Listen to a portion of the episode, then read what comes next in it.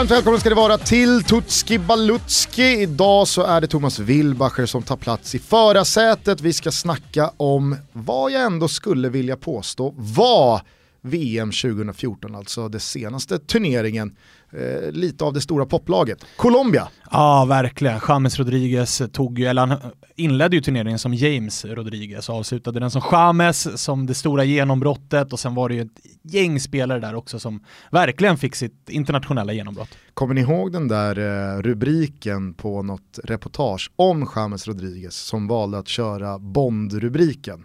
men som föll platt när James globalt hade blivit James. Så de körde bara Rodriguez. James Rodriguez. man tappar, liksom he man tappar hela Bond-referensen när han inte heter James längre. Eh, men eh, håller du med mig Thomas, visst var det lite extra eh, liksom, krydda kring Colombia och extra snack och extra hype? Ja men det tycker jag verkligen, eh, inte minst då som de i kvartsfinalen också eh, gav eh, Brasilien en eh, riktig match om det och det var ju på hemma-VM för brasilianarna, nära till Colombia, så mycket colombianer som också kunde vara på plats. Eh, det var en, eh, en av VMs bästa matcher som jag, som jag minns det som. Eh, och det var ju efter att brassarna också precis hade klarat sig vidare med nöd och näppe från Chile. Efter att Penia i typ 119 eh, minuten dragit den i ribban. Han tatuerade väl in hela den freeze-framen över ryggen va? Ja. ja. exakt. Nej inte ryggen, jag tror att det var typ i det här partiet. Alltså, nu tar sig Thomas mot ljumsken, men det kan jag säga att nej det var det inte. är vi säkra på att det ändå inte var, var i kukvet så att säga? Jag har sällan rätt när jag tar gift på saker och går i god för saker. Men här känner jag mig faktiskt väldigt trygg i att säga ryggen, jag säger att det är ryggtavlan. För vem, vem tatuerar in en bild på ett ribbskott i ljumsken? jag. Alltså, jag, jag, vill, jag vill skjuta in att det, jag vill minnas det som att det är på låret. Ja, du ser. I, Den sitter alla har förmodligen fel, ja. sitter i pannan.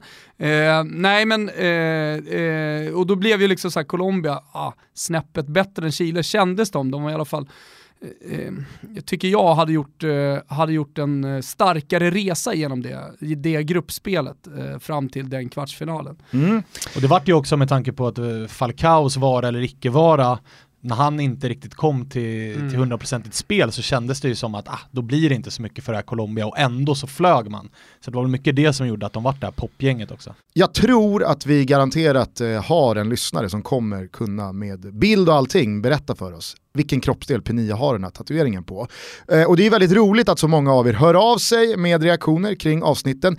Eh, det är dock ganska många Svanen som har hört av sig och undrat, ja, men var är den spelaren och ni är, opå, ni är inte pålästa, ni har glömt den här och den här och den här.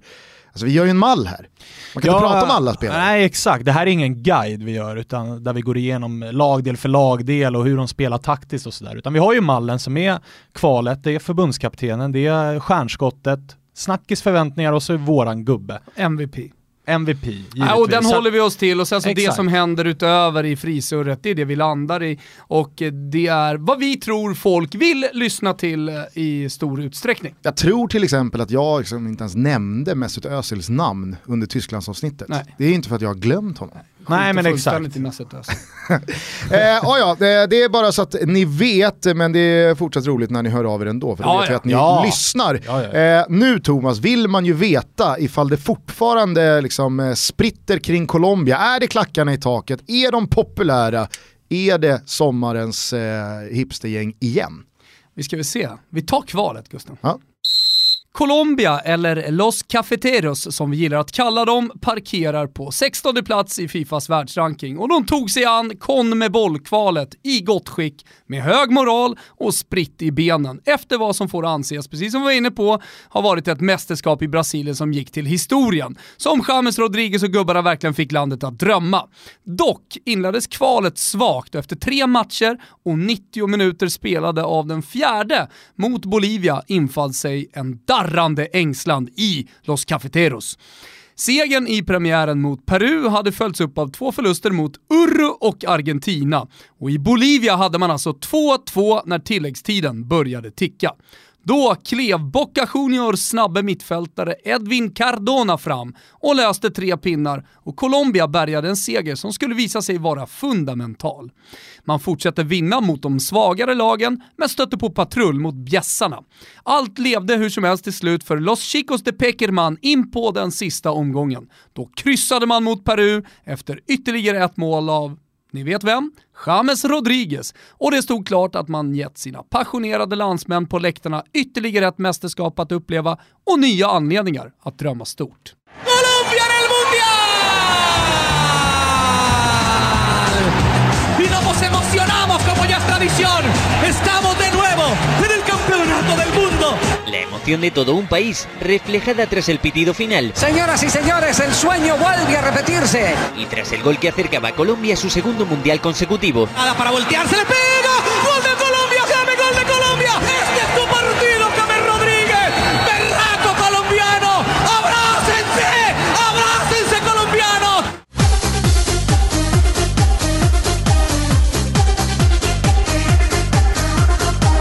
His name was Rodriguez.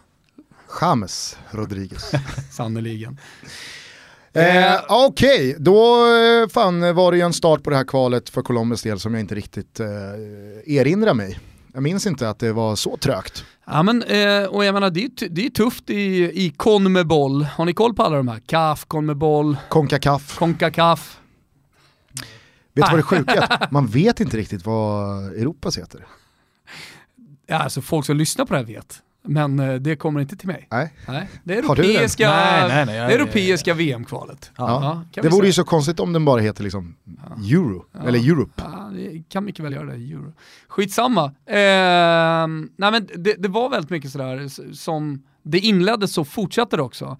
Man, man vann till och med några matcher stort mot de sämre lagen, men så fort man stötte på de, eh, ja, dels förväntade och de som sen också blev topplagen, eh, så, så hade man det betydligt tuffare. Med tanke på att eh, det går fyra år mellan varje världsmästerskap och man inte riktigt har koll på de utomeuropeiska ländernas framfart i motsvarande Europamästerskapen.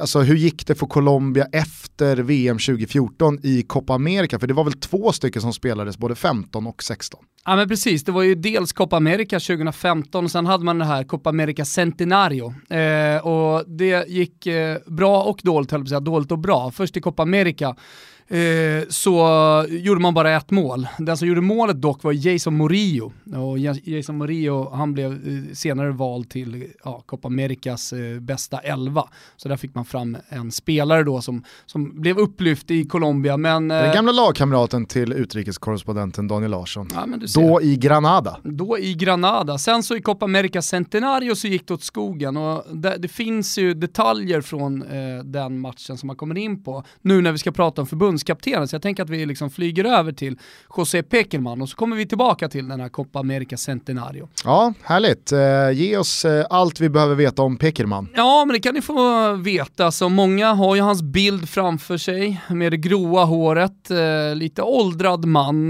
någon som man har stor respekt för, vilket såklart även colombianerna har och inte minst då det här laget. 68 år har han hunnit bli. Det drar ju åt Manuel Pellegrini-hållet. Ja, det gör det. Verkligen. Bra jämförelse där samma uppenbarelse. Eh, Vet du vem det också drar åt? Nej. Leo Benhacker. Ja, ah, faktiskt. Jag också lite hålla faktiskt. med om. Eh, Nej, men han eh, fick lägga av med fotboll själv då, 28 år på grund av en allvarlig knäskada. Lite som Gusten la av tidigt också på grund av en ryggskada. Bröt ju ryggen Gusten vet du. Eh, det, det, på den tiden så kanske det inte fanns samma typer av knivar när det gäller korsbandsskador och sånt. Eh, så han fick lägga av. Eh, och började istället då, visste inte vad han skulle göra, tjänade inte jättemycket pengar eh, som fotbollsspelare, började jobba som taxichaffis. Mm. Eh, körde runt i stan. Innan han då började träna eh, en, eller klubben som han spelade för i stort sett hela karriären. Och det här är en klubb som ni såklart har koll på, det är Argentino Juniors. Han är ju argentinare, José Pekerman. Vad tänker man på när man tänker på Argentino Juniors? Man tänker på Diego Armando Maradona. Det var där han en gång startade. Så på väggarna eh, i Argentina, där Argentino Juniors spelas i kvarteren, så är det inte Pekelmans eh, ansikte. Kan man ju tro du har kommit långt och så vidare, utan det är Maradonas. Alltså. Men kanske då i och med åldersskillnaden så hade Diego Maradona eh, Pekerman på pojkrumsväggen. Det kan han mycket väl ha haft.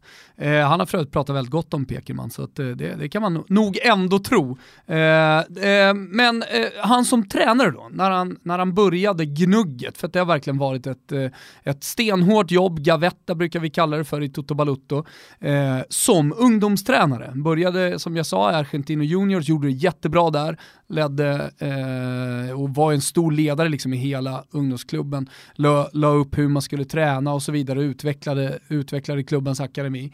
Eh, gjorde till slut att han kom till eh, vårat gäng i Chile, nämligen Colo Colo. Ah, fina mm, Colo Colo. Fina Colo Colo. Gjorde det även bra där eh, och blev belönad eh, med det argentinska U20-landslaget. Så där började han liksom ta kliv i eh, tränarkarriären. Och vad hände med det argentinska U20-landslaget? Eh, jo, han vann 95, 97 och 2001 U20-VM. Och det här, eh, ja, det, det, fick ju såklart ringar på vatten i Argentina. Det känns som att man tar eh, de här U-mästerskapen på större allvar i Sydamerika också. Mm. Fråga mig inte varför, men det är bara känslan. Men början där då, typ 95, kan det ha varit någon eh, Salas-figur eh, på topp då eller? Ja, men det, det är Zamorano bra... är väl något år äldre. Frågan om inte de redan hade börjat ta i kli... Ja, men det, du, är ändå, du är ändå där alltså. Det, det är säkerligen några av de gubbarna och där får ni gärna hjälpa oss. Ni jag tänker att det också borde som alltid vara så att i U20 så får man vara 23. Ja, men... Ja, precis. Alltså, Har du varit med och gjort en match i kvalet så Men alltså U20-landslaget som vann VM 2001, där hittar vi säkert många spelare som även våra yngre lyssnare känner till. Mm. Men kanske då en Marcelo Salas i det där 95-gänget. Ja, kanske.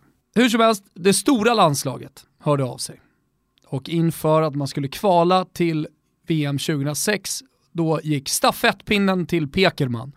Och han tog över det och jag vet inte, kommer ni ihåg hur det gick för Argentina i uh, VM 2006? Absolut. Ja, ja, du kommer ihåg, absolut. Svaneman han, han kollar lite upp, på fan hur gick det här nu? För det är lite sådär med mästerskapen, man, man minns saker, man minns vinnare, kanske eh, liksom semifinalister, men framförallt kanske mer då eh, sånt som hände, ett mål, vad vet jag, Team Cahill. Hur gick det för Australien? Ah, jag minns det där jävla målet av Team Cahill. Får jag försöka ta den på volley? Ja, ta den på volley. Jag tror att de slaktade rätt ut i gruppen, slog väl typ Serbien med 6-0 och eh, Maxi Rodriguez gjorde väl eh, turneringens fin snyggaste spelare. mål jag gillade aldrig honom jättemycket. Okay. Men han gjorde i alla fall ett fantastiskt mål. Och sen så vill jag minnas att de blev utstraffade av Jens Lehmann. Exakt så. Eh, de gick till kvartsfinalen och eh, blev då eh, straffade av Lehmann, blev straffade av tyskarna. Den matchen gick till, eh, till eh, förlängning och straffar.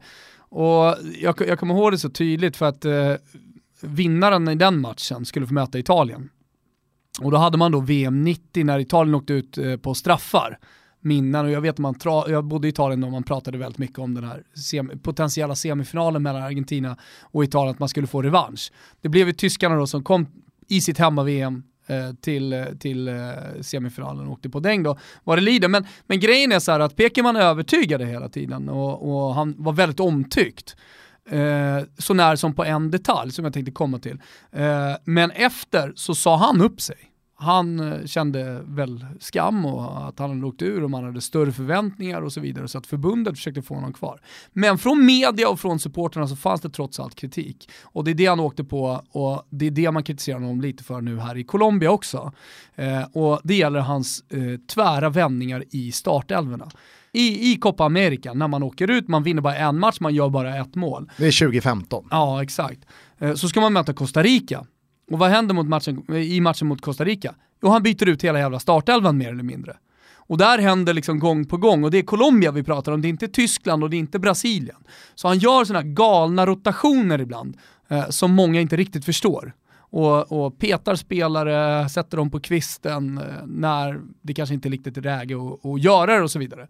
Så han har en jävla fäbless för att, att eh, göra den här typen av liksom, stora förändringar i startelvorna. Eh, vi får se hur det blir under VM. Alltså. Men om jag då uppfattade rätt så vann de bara en match under Copa America 15 ja, och Brasilien. under Copa America Centenarios, alltså ja, året gick, efter. Ja men då gick det, då gick det bättre. Ja. I Copa America Centenario tog man sig hela vägen till semifinal och där har man också match om tredje pris och då vann de bronset.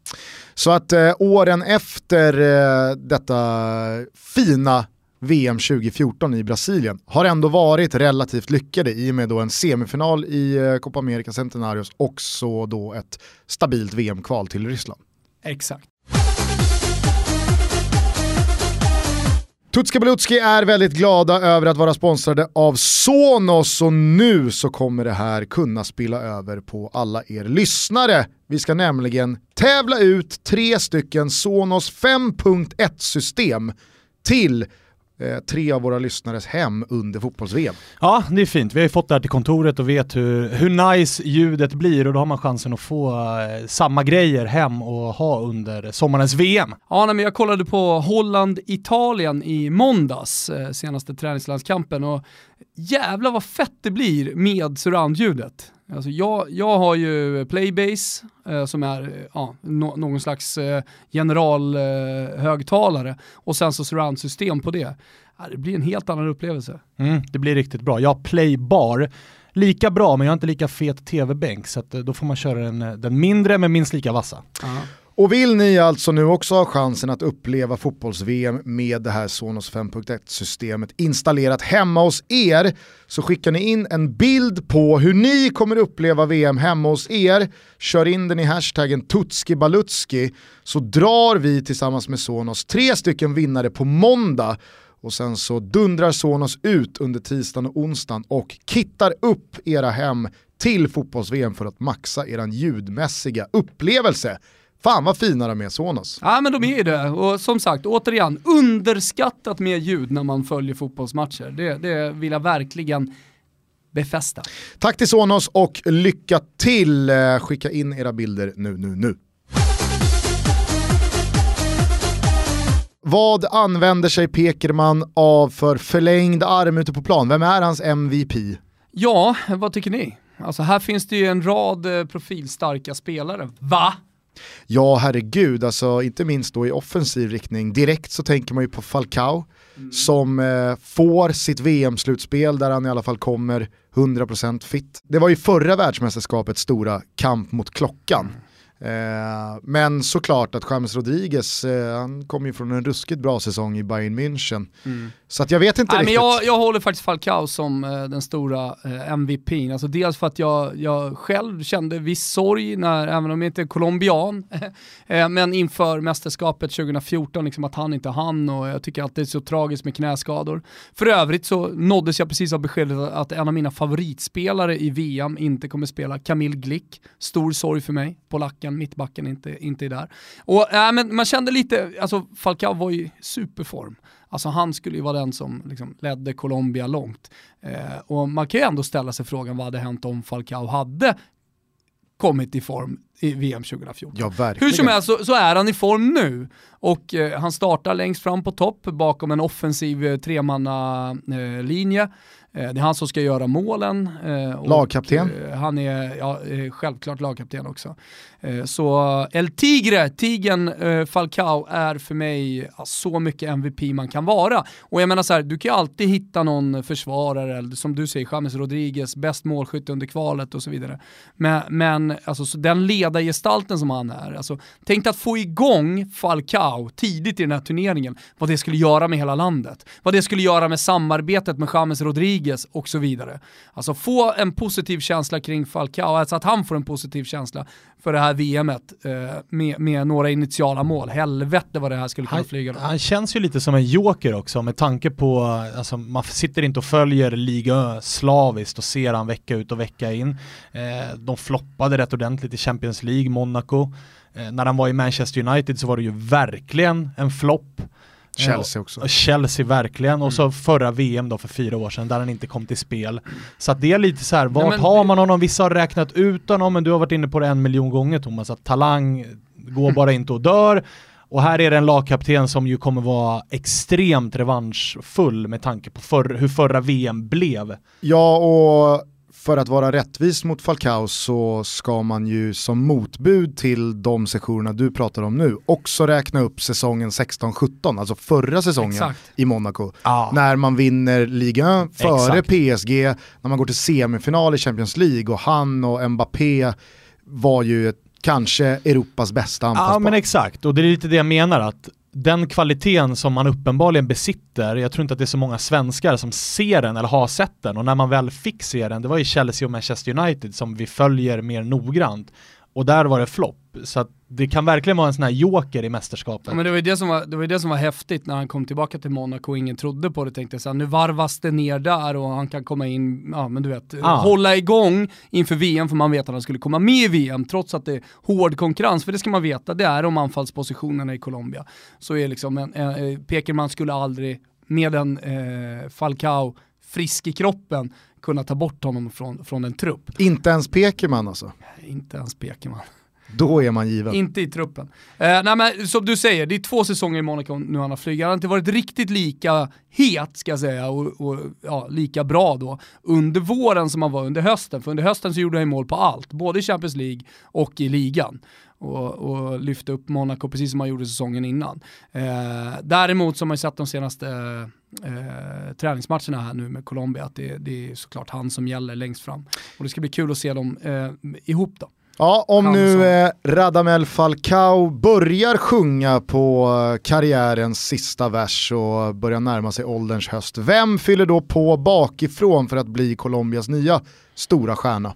Exakt, eh, och ofta har vi haft eh, i den här podcasten inför VM, Tutski Balutski, en offensiv spelare, mittfältare. Men här faller då mitt val på en mittback. Och vi pratar om en spelare som ni båda har koll på och som de flesta lyssnare har koll på, nämligen mittbacken Davinson Sanchez. Och... Eh, jag kunde... Det är lite knepigt. Davinson Sanchez. Eh, och han spelar ju i Spurs, Eh, Tottenhams hade, dyraste nyförvärv någonsin. Ja, 40, över 40 miljoner pund köptes han av eh, för av eh, Ajax. Säger kanske mer om Tottenhams transferhistorik, att ett mm. så inom citationstecken lågt, eh, en, en så låg summa är deras transferrekord. Transferhistorik och eh, klubbhistorik, var de har befunnit sig i den engelska klubblagshierarkin såklart. Eh, men Davison Sanchez, ni har sett honom i år, vad är era egna liksom, upplevelser av honom?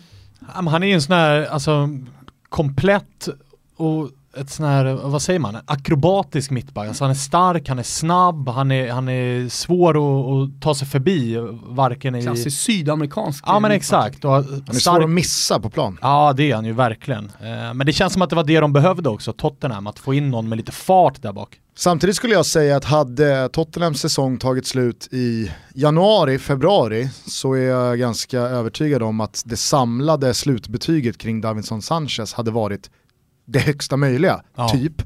I alla fall VG+.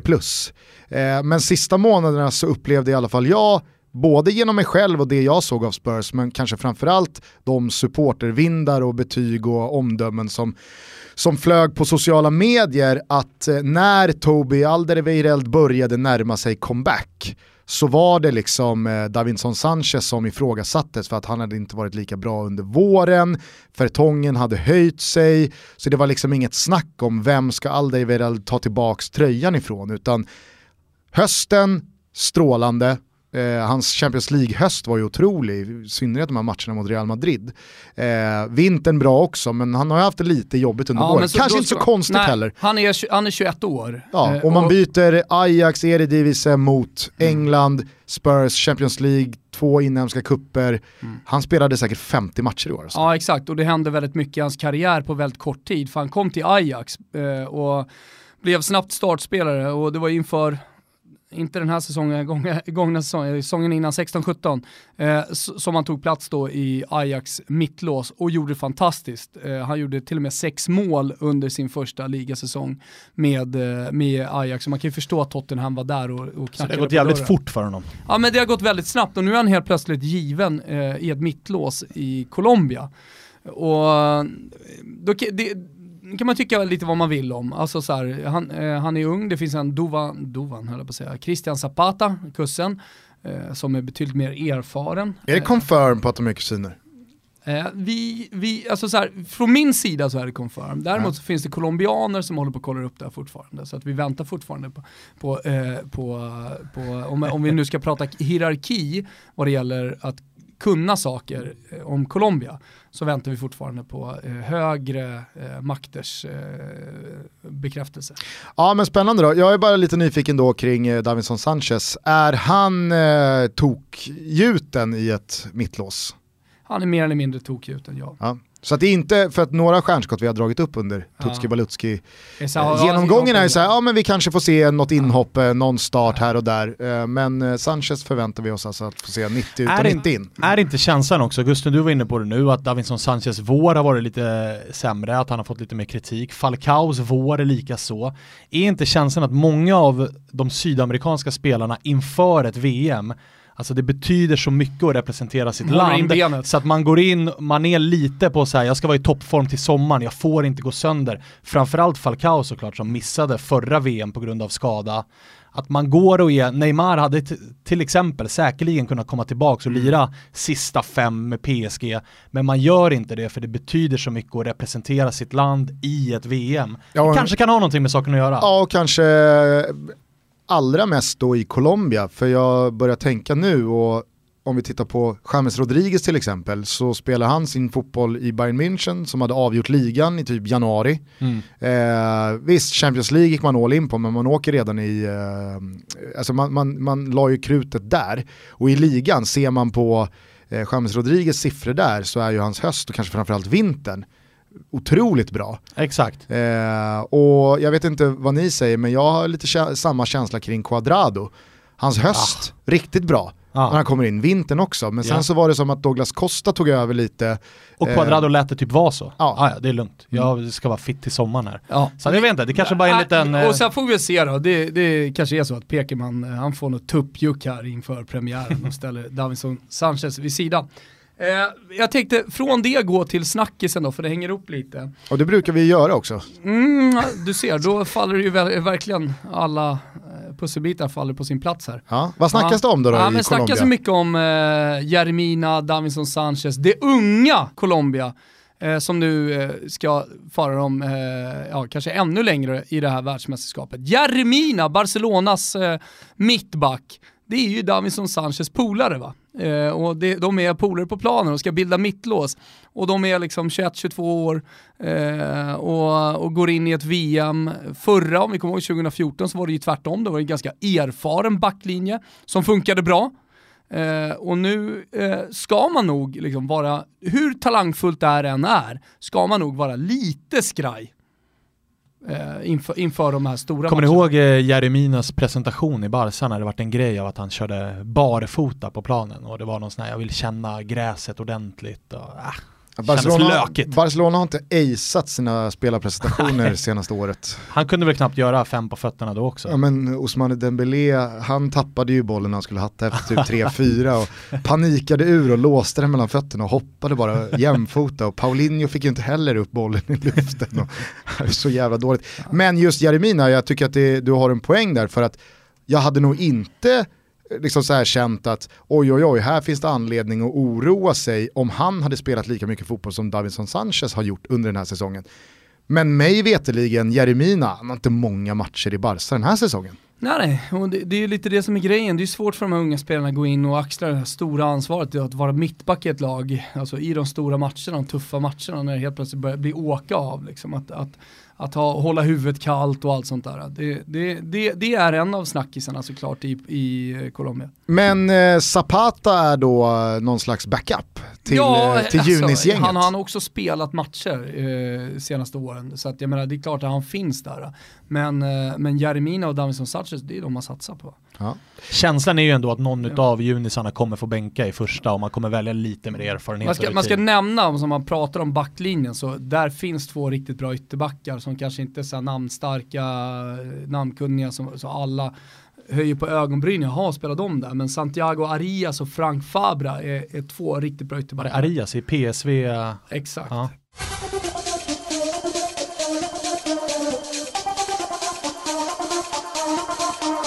Hur eh, mår en Jackson Martinez idag? Ja, han, jag vet faktiskt inte hur han mår, men han är inte med i det här landslaget i alla fall. Nej, okej. Okay. Det, det kan jag ändå känna är skönt att den där Kina-vägen ja. kostar landslagsplatser. Men alltså, det glädjer mig. Ja, ja verkligen. någonstans tycker jag att det ska göra det också i slutändan. Alltså vad sparras du mot där borta i Kina? Inte alltid jättebra, eller hur? Nej, det är rätt låg kvalitet och anfallspositionen har de ju också. Eh, alltså de har ju Backa, de har eh, Duvan, han kommer inte heller med. Nej, Duvan Zapata. Zapata kommer inte med trots en fin säsong. Mm. Så att det, det, finns ju konkurrens i, där har de ju råd att kanske plocka bort en Jackson Martinez. Ja, ja alltså Backa, han har ju prickat in lite bollar i, i, i landslagsdressen, men framförallt så har han ju en klubblagssäsong som man har med sig in i det här världsmästerskapet eh, liksom, som, som stärker självförtroendet. Finns det några fler snackisar? Jag tänker att eh, det kanske är en position som eh, är lite orolig och att det är målvaktsposten eh, kring Ospina. Mm. Han har ju inte gjort någon vidare säsong alltså. Nej, men När Check har svajat så har han mm. kommit in och svajat ännu mer. Ja, men samtidigt så här, i landslaget så gör han det helt okej. Okay. Jag, jag, skulle kunna jämföra det med den svenska målvaktssituationen. Eh, Jaha, hur går surret om Robin Olsen? Han har alltid varit så jävla bra, Ja, men det är fortfarande en lirare som är i Arsenal. Och, och, många förlitar sig till honom i Colombia. Han gjorde ett otroligt bra mästerskap i Brasilien dessutom, liksom, som, som ingen tar bort ifrån om jag förstår vad jag menar. Skiter lite i vad han gör i Arsenal. Vad ska man ha för förväntningar på Colombia? Vi kan väl bara börja med att upprepa deras grupp. De har ju enligt mig, kanske tillsammans med då grupp A, beroende lite på hur det går för Mohamed Salahs axel, den kanske mest svårlösta gruppen på förhand. Det är Senegal, det är Polen och det är Japan. Ja exakt, men om grupp A är svårlöst på grund av att de flesta lagen är relativt dåliga i den så är den här svårlöst för att alla är jämnbra och en ganska hög nivå på vad, vad liksom jämnbra är. Alltså Polen är, Polen är bra, Senegal har vi pratat om tidigare, har ett riktigt intressant gäng. Så att det, det är en tuff grupp. Det ja. känns ju som att Polen är Europas Colombia, Colombia är Sydamerikas Senegal och Senegal är Asiens Japan. Ja, typ. Så att eh, de är ju verkligen på förhand i eh, magkänslan jämbördiga. Ja exakt, ja. exakt. Nej men eh, jag, jag snackade lite med, eller mässade lite med Tito Puchetti som är en colombiansk eh, journalist eh, och han säger att förväntningarna är att man upprepar det man gjorde i Brasilien, det vill säga man spelar fem matcher. Om man spelar fem matcher så kommer man till kvartsfinal. Exakt, precis som sitt. Så Varför det... sa han inte bara kvartsfinal? Jag tror att man gillar att uttrycka sig i den formen. Ja. Ja. Det, det, det jag kan köpa när man uttrycker sig så, det är ju så här, ja men spelar vi sju matcher så har vi gjort det bra. För då säger man ju att man kommer till semifinal och oavsett hur det går till semifinal, hur det går i semifinalen så kommer du få spela en medaljmatch. Mm. Det är enda gången du får säga siffror, antal matcher. Fem matcher, säg kvartsfinal.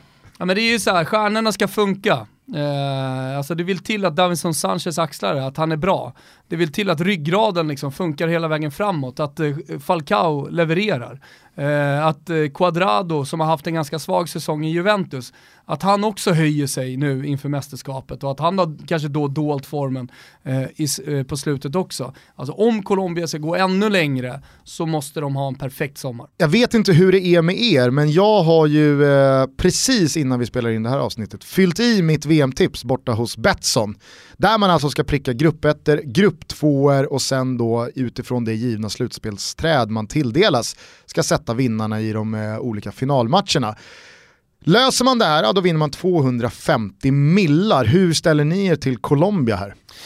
Svårt. Jag tror ju faktiskt att Senegal vinner den här gruppen. Eh, man måste sticka ut lite och den här gruppen har man ändå chansen att göra det. Eh, sen tror jag nog ändå att Colombia tar den där andra platsen för att jag vill, som jag var inne på, tro att de här, många av de här spelarna har en förmåga av att höja sig när de får på sig landslagströjan och med det Thomas var inne på om eh, Polens Kamil Glick där, att han är borta, det är ett tungt tapp för Polen. Så att, nej, de löser avancemang, men det blir ingen eh, promenad i parken genom den här gruppen. Jag säger att Colombia vinner gruppen eh, på sju poäng tillsammans med Polen.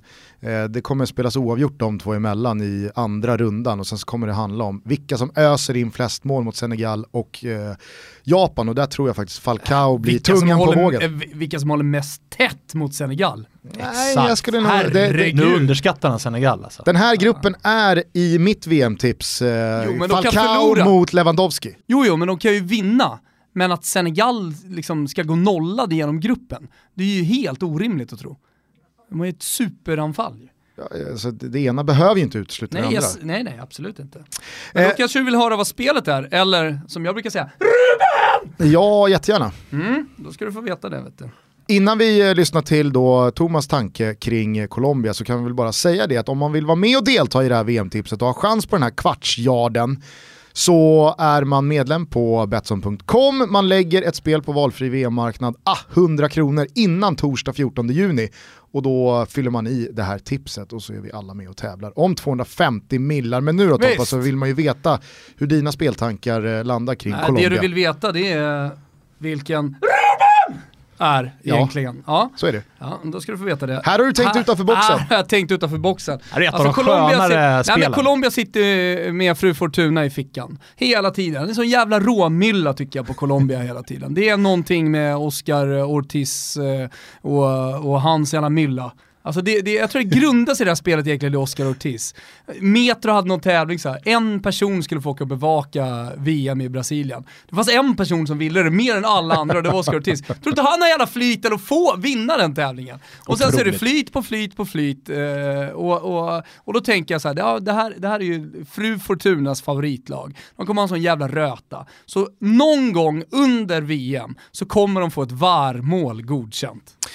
15 gånger pistagenötterna har jag tillskansat mig är oddset. Ah, och här är det ju bara ringa banken. Det här är det bästa spelet eh, vi har egentligen. Och om du lyssnar Oskar, det finns bra räntor. ja, verkligen. Eller hur? Nej men så någon gång under turneringen så kommer det här offensivt, härligt, fröjdiga eh, Colombia självklart få ett varmål och troligtvis, med sig. Troligtvis kommer det ju vara ett varmål där hela liksom, sociala medier sitter och tänker att det här blir ju bortdömt. Ja. Och så kommer ju någon VAR-domare bara, det är mål. Det är mål. Ja, härligt. Eh, rublarna finns under godbitar och boostade odds hos Betsson. Tack till er för att ni är med och gör Tutski Balutski möjlig. Nu Thomas vill man ju avslutningsvis veta vem som är vår gubbe i detta Colombia. Ja men det är klart att man, eh, man vill ha vår gubbe eh, och vi avslutar då med José Izquierdo. Fan vad fint detta yrväder från Brighton Hove Albion va? Ja men bara det att eh, Brighton får med en colombian i VM är ju fint, eller hur? Den ekvationen. Ja exakt, och han vann ju då, han slog ju flera landsmän eh, i konkurrensen om att få vara med i den här truppen. Det var inte så att han var given från början. Han har spelat fem matcher för det colombianska landslaget så här långt. Eh, han är 25 år gammal. Eh, samtidigt ska man säga, det, det, det jag gillar är liksom historien bakom Izquierdo. Fan vad dålig jag är på att säga hans namn känner jag. Izquierdo. Izquierdo. Eh, jag nej, ska inte se mig in Hans föräldrar, man gillar så push, eller gillar, man hatar egentligen så föräldrar som pushar stenhårt. Och de ville att han skulle bli tennisspelare. Så det var ju liksom satt ett racket eh, i handen på honom, sen en tennisboll. Eh, han valde ju snarare liksom stå, stå vinglaren på huvudet och klacka tennisbollarna och sånt där. Eh, så, eh, och sedermera kom han faktiskt att eh, skita i fotbollen under många år. Han spelade ingen fotboll under, under flera år. Eh, eh, på grund av att hans bror gick bort tragiskt i en trafikolycka. Eh, och sedermera, ja men sen slutade det med att han gick till Deportivo Pereira och sen började liksom eh, karriären rulla. En enorm bolltalang hur som helst. Eh, förmodligen så är han bäst i laget på tennis. Ja, så jag kan eh, villigt erkänna att jag hade ju inte sett den här spelaren spela fotboll för ett år sedan. Nej men det förstår jag, för du följer ju inte den belgiska ligan. Han Nej. kom ju till Brighton från Klubb Brygge. Ja, sen så har ju min fäbless för Fantasy Premier League gjort att har man en gubbe i spel, då kollar man fan matcherna oavsett om de spelas mellan Brighton, Stoke eller eh, West Brom. Så att, eh, jag har faktiskt sett en hel del eh, matcher med, med Brighton i år och han har ju varit eh, jämte liksom Glenn Murray mm. på topp som har bombat in kassarna och eh, Pascal Gross så skulle jag säga att eh, Izquierdo har varit eh, Brightons bästa spelare. Hur nära var Muriel? Eh, att bli vår gubbe. Mm. Gill, man gillar ju små tjockisar. Ja, det gör man eh, och jag gillar Moriel jättemycket också. Däremot är jag lite trött på Moriel. Det är någonting med hans hår. Nej, det är med, någonting med hans uppenbarelse. Lilla nudle, nudelpaketet som ligger på, på gässan. Det är så platt. Nej, men det, är, alltså, jag, jag... det är tvärt emot Davinson Sanchez frilla. ja, det är det. Står bara en Roger ah, Pontare-tofs ja, ja. högst upp. Ja, fan, det är någonting med tjockisar ändå som lockar. Ja. Izquierdo, hur som helst, fint namn, fin spelare. Vet du vad det är? Det är ett ruggigt tennisnamn. Ja. Det är ju ett jättetennisnamn. José Han... Izquierdo, kvartsfinal i Roland Garros, möter Fabio Fognini såklart. Mm. Eh, vår gubbe i alla fall. Spännande, mm. håll ett extra öga på Izquierdo och i och med det så säger vi bra jobbat Thomas. Verkligen. Kul med Colombia i alla fall eh, i det här mästerskapet, se om de kan återupprepa det man gjorde då, det vill säga vinna fem matcher. Exakt. Eller att spela, spela, fem, matcher. Fem spela fem matcher. Ja. Och så får vi jobba VAR. och så jobbar vi VAR allihopa tillsammans. Verkligen. Nu avslutar vi med Shakira och jag tycker eh, superproducent Kim Wirsén att vi tar oss långt bak i låtkatalogen. Kanske hela vägen tillbaks till Underneath your clothes. eh, vi hörs eh, imorgon igen. Fortsätt lyssna på Tutski Balutski Nazdrovje. Nazdrovje. Nazdrovje.